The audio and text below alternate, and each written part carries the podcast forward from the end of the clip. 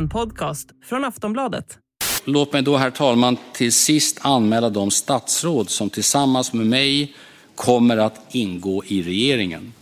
EU-minister och statsråd Ja, så kom den stunden vi alla väntat på med spänning. Ministerpresentationen. I slutet av sin regeringsförklaring under onsdagsmorgonen rabblade statsminister Ulf Kristersson upp namn efter namn på mer eller mindre kända politiker som nu ska bli skärskådade och detaljgranskade in till minsta parkeringsbot. Och som förstås ska ges chansen att sätta avtryck under de kommande fyra åren om de har tur och för all del skicklighet. Så vilka personer handlar det om då? Låt oss börja med lite snabbfakta. Det blev 11 kvinnor och 12 män, fyra skåningar, en kustjägare, en nyckelharpist, en kronofogde. Moderaterna fick 12 poster, Kristdemokraterna 6 och Liberalerna 5.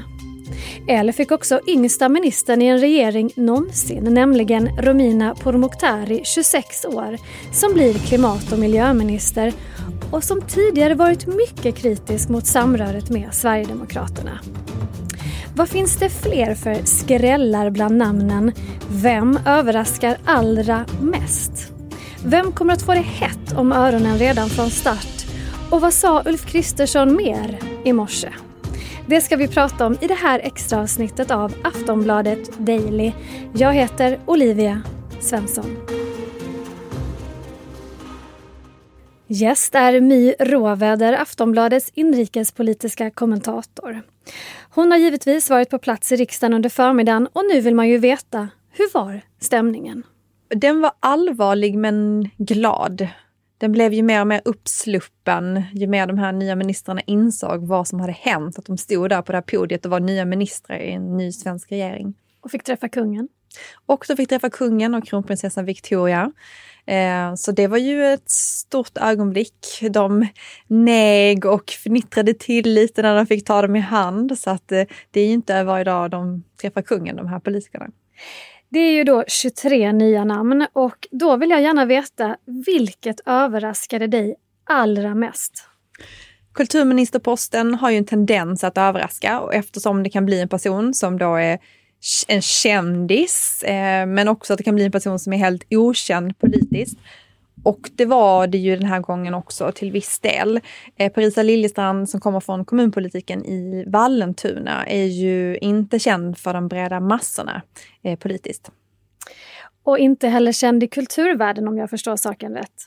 Nej, utan eh, det är ju en moderat politiker som beskrivs som up and coming, alltså någon som är på väg upp i de mindre kretsarna och att det här då är ett, en, ett avstamp in i en, den här nya regeringen. Om vi ska gå igenom fler namn, vilka var också lite otippade från ditt perspektiv? Det var lite otippat att Tobias Billström blev utrikesminister. Varför var det det? Ja, men han står väl kanske inte för någon person som har haft så mycket kontakt Eh, alltså har jobbat med internationella frågor tidigare. Sen så har han ju, var han ju Eh, migrationsminister i alliansregeringen, så han är ju en politiker som har lång erfarenhet. Han har också erfarenhet av att sitta i en regering sedan tidigare. Så att eh, så det kanske egentligen inte var jätteöverraskande, men det var ändå ganska många som lyfte på ögonbrynen att det blev han. Och det är ju också så att det området är ju såklart jätteviktigt. Det är ju viktigt alltid, men just nu med ett krig i Europa till exempel så blir ju pressen på en utrikesminister ändå ganska hård kan man tänka. Tror du att han kommer palla för det trycket? Det tror jag. Eh, jag tror att eh, med den långa erfarenheten han har så kommer han att eh, klara det utan problem. Vem är den största doldisen i det här gänget? Åtminstone om man tänker ur ett, liksom, ett eh, svenska folket-perspektiv. Ja, det skulle vara pa eh, Paulina Brandberg från Liberalerna. Men hon är ju en känd person i ett annat område. Hon är åklagare och som Johan Persson beskrev henne har hon då valts till årets svensk. Eh, så att eh, hon är ju inte en helt okänd person, men okänd i eh, politikkretsar. Annars så är det ju väldigt få människor som kommer utifrån. Utan de flesta kommer ju från politiken i den här regeringen då, med undantag för Paulina Brandberg. Vad säger det, tycker du, om Ulf Kristerssons konstellation? Ja, men det säger väl att han vill, vill ha säkra kort och att det är viktigt att man har en regering som håller ihop. Dels för att det är en utmanande situation i Sverige med att vi går in i lågkonjunktur, det är ett krig i närområdet. Men dels också för att man ju har eh, sagt att man ska ha flera paradigmskiften i svensk politik. Migrationspolitiken framför allt, men också i politiken runt gängkriminalitet. Så att det gäller ju att ha en regering som eh, har muskler. Aftonbladet Daily är strax tillbaka. Ready to pop the question? The jewelers at BlueNile.com have got sparkle down to a science with beautiful lab-grown diamonds worthy of your most brilliant moments. Their lab-grown diamonds are independently graded and guaranteed identical to natural diamonds, and they're ready to ship to your door. Go to Bluenile.com and use promo code LISTEN to get $50 off your purchase of $500 or more. That's code LISTEN at Bluenile.com for $50 off. Bluenile.com code LISTEN.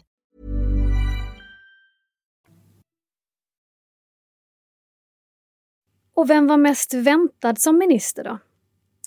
Ja, det var ju Elisabeth Svantesson och Gunnar Strömmar och då utöver då partiledarna Ebba Busch och Johan Persson och Ulf Kristersson. Och då blev Elisabeth Svantesson finansminister och Gunnar Strömmer blev justitieminister. Precis. Så det är två tunga poster. Absolut. Men de har varit förberedda på det här ganska länge, tänker jag mig. De har varit superförberedda på det här länge. Jag tror att det är ändå många i den här konstellationen som har förberett sig på att de ska kunna få en ministerpost. Det gäller ju också Andreas Karlsson från Kristdemokraterna, Mats Persson i Liberalerna. Eh, det är ju personer som har varit i toppen som också varit med och förhandlat nu inför det här Tidöavtalet. Så att de har liksom haft nyckelroller i politiken i sina partier under lång tid. Du nämnde Ebba Busch och Johan Persson. Ebba Busch blir näringsminister och vice statsminister. Johan Persson blir arbetsmarknadsminister. Är det poster som passar dem och poster som de, som de ville ha, tror du? Det var ju många som till exempel hade tippat Johan Persson som utbildningsminister på förhand. Ja, jag till exempel. Nu fick ju Liberalerna hela utbildningsdepartementet. De fick två ministrar där, både utbildningsministern som blev Mats Persson och skolministern som är Lotta Edholm som är en känd Stockholmspolitiker. Um, nej men det handlar väl om att arbetsmarknads departementet är ett tyngre departement än utbildningsdepartementet. Eh, det är också flera delar i det här som handlar om integration på arbetsmarknadsdepartementet. Så att jag tror att Johan Persson, det här är frågor som Johan Persson eh, liksom är engagerad i. Så att det passar nog honom ganska bra att sitta där och det är ju en eh, vad ska man säga, en liten belöning mm. eh, att han fick ett så tungt departement. Ebba Busch då? Ja, hon får ju två Eh, det finns ju en förändring här ifrån hur den tidigare regeringen, den S-regeringen, hade det. Hon blir ju då energi och näringsminister.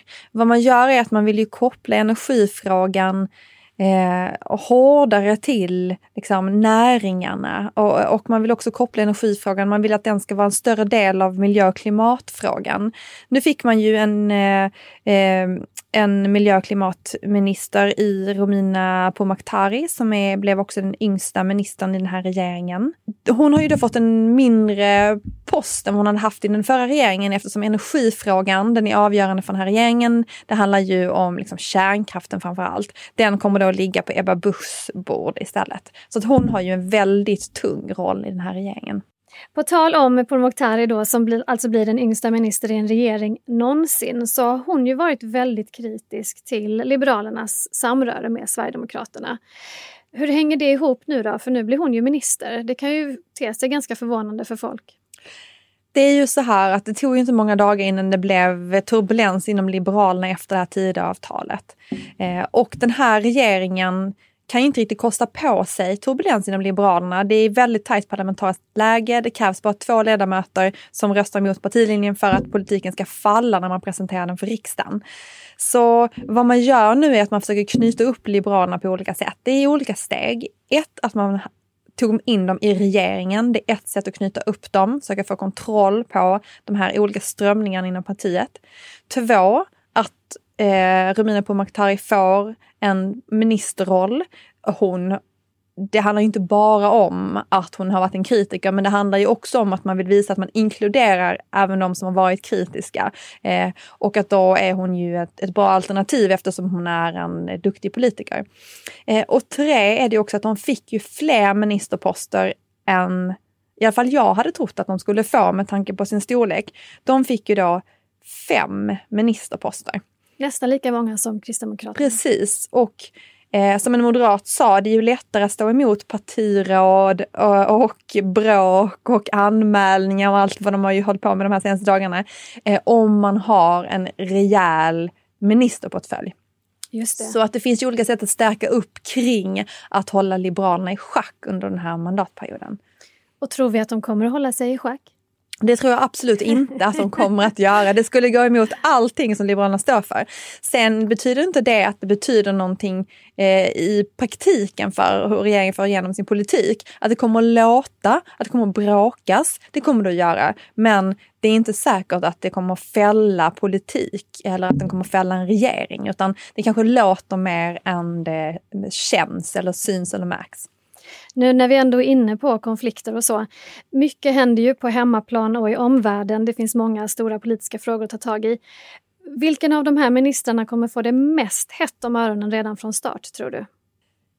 Det kommer ju handla mycket om energin. Så Ebba Busch kommer ju att behöva rivstarta sitt arbete. Men om vi tittar på hur omvärlden ser ut så kommer finansministern Elisabeth Svantesson ju vara en avgörande person de kommande veckorna. Det ska läggas en budget, det är ett svårt ekonomiskt läge, vi går in i lågkonjunktur, inflationen jag ska inte säga skena, men inflationen har gått upp väldigt mycket.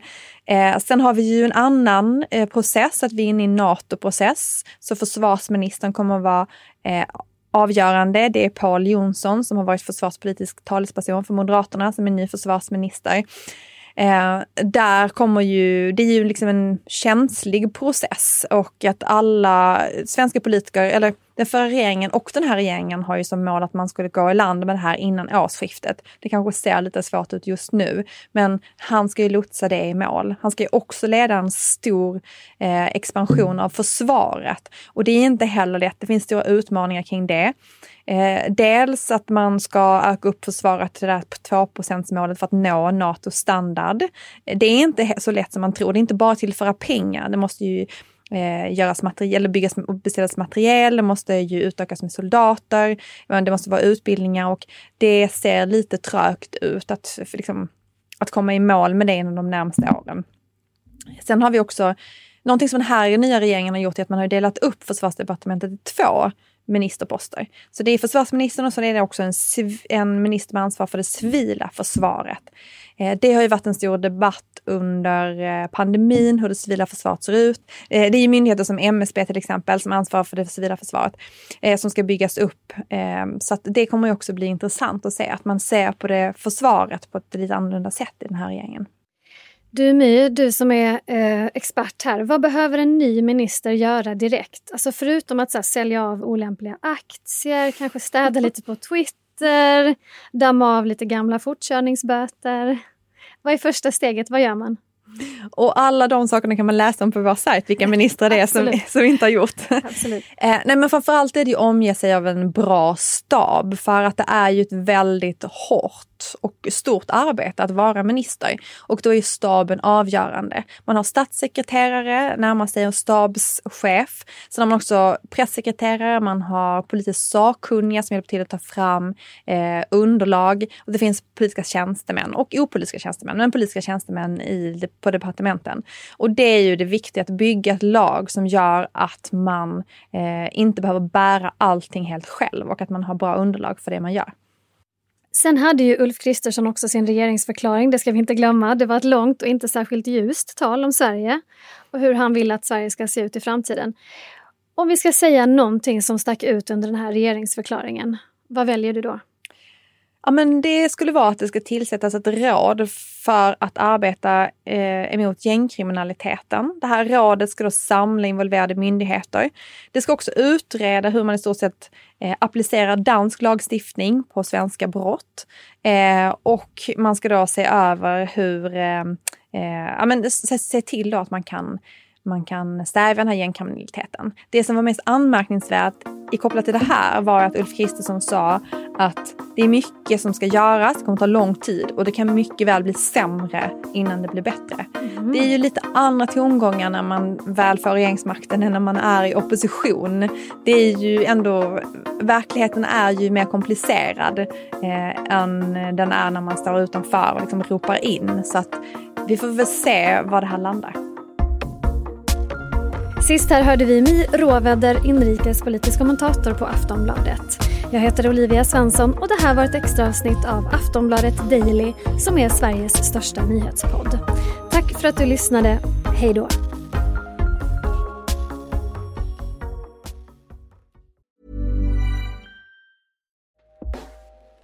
Hej everyone! I've been on the go recently. Phoenix, Kansas City, Chicago. If you're like me and have a home but aren't always at home, you have an Airbnb. Hosting your home or a spare room is a very practical side hustle. If you live in a big game town, you can Airbnb your place for fans to stay in. Your home might be worth more than you think. Find out how much at airbnb.com/slash host.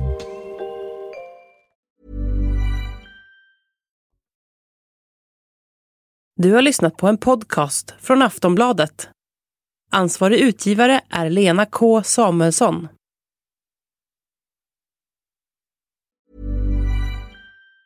Tired of ads barging into your favorite news podcasts? Good news. Ad-free listening is available on Amazon Music. For all the music plus top podcasts included with your Prime membership. Stay up to date on everything newsworthy by downloading the Amazon Music app for free or go to amazon.com slash news ad free. That's amazon.com slash news ad free to catch up on the latest episodes without the ads.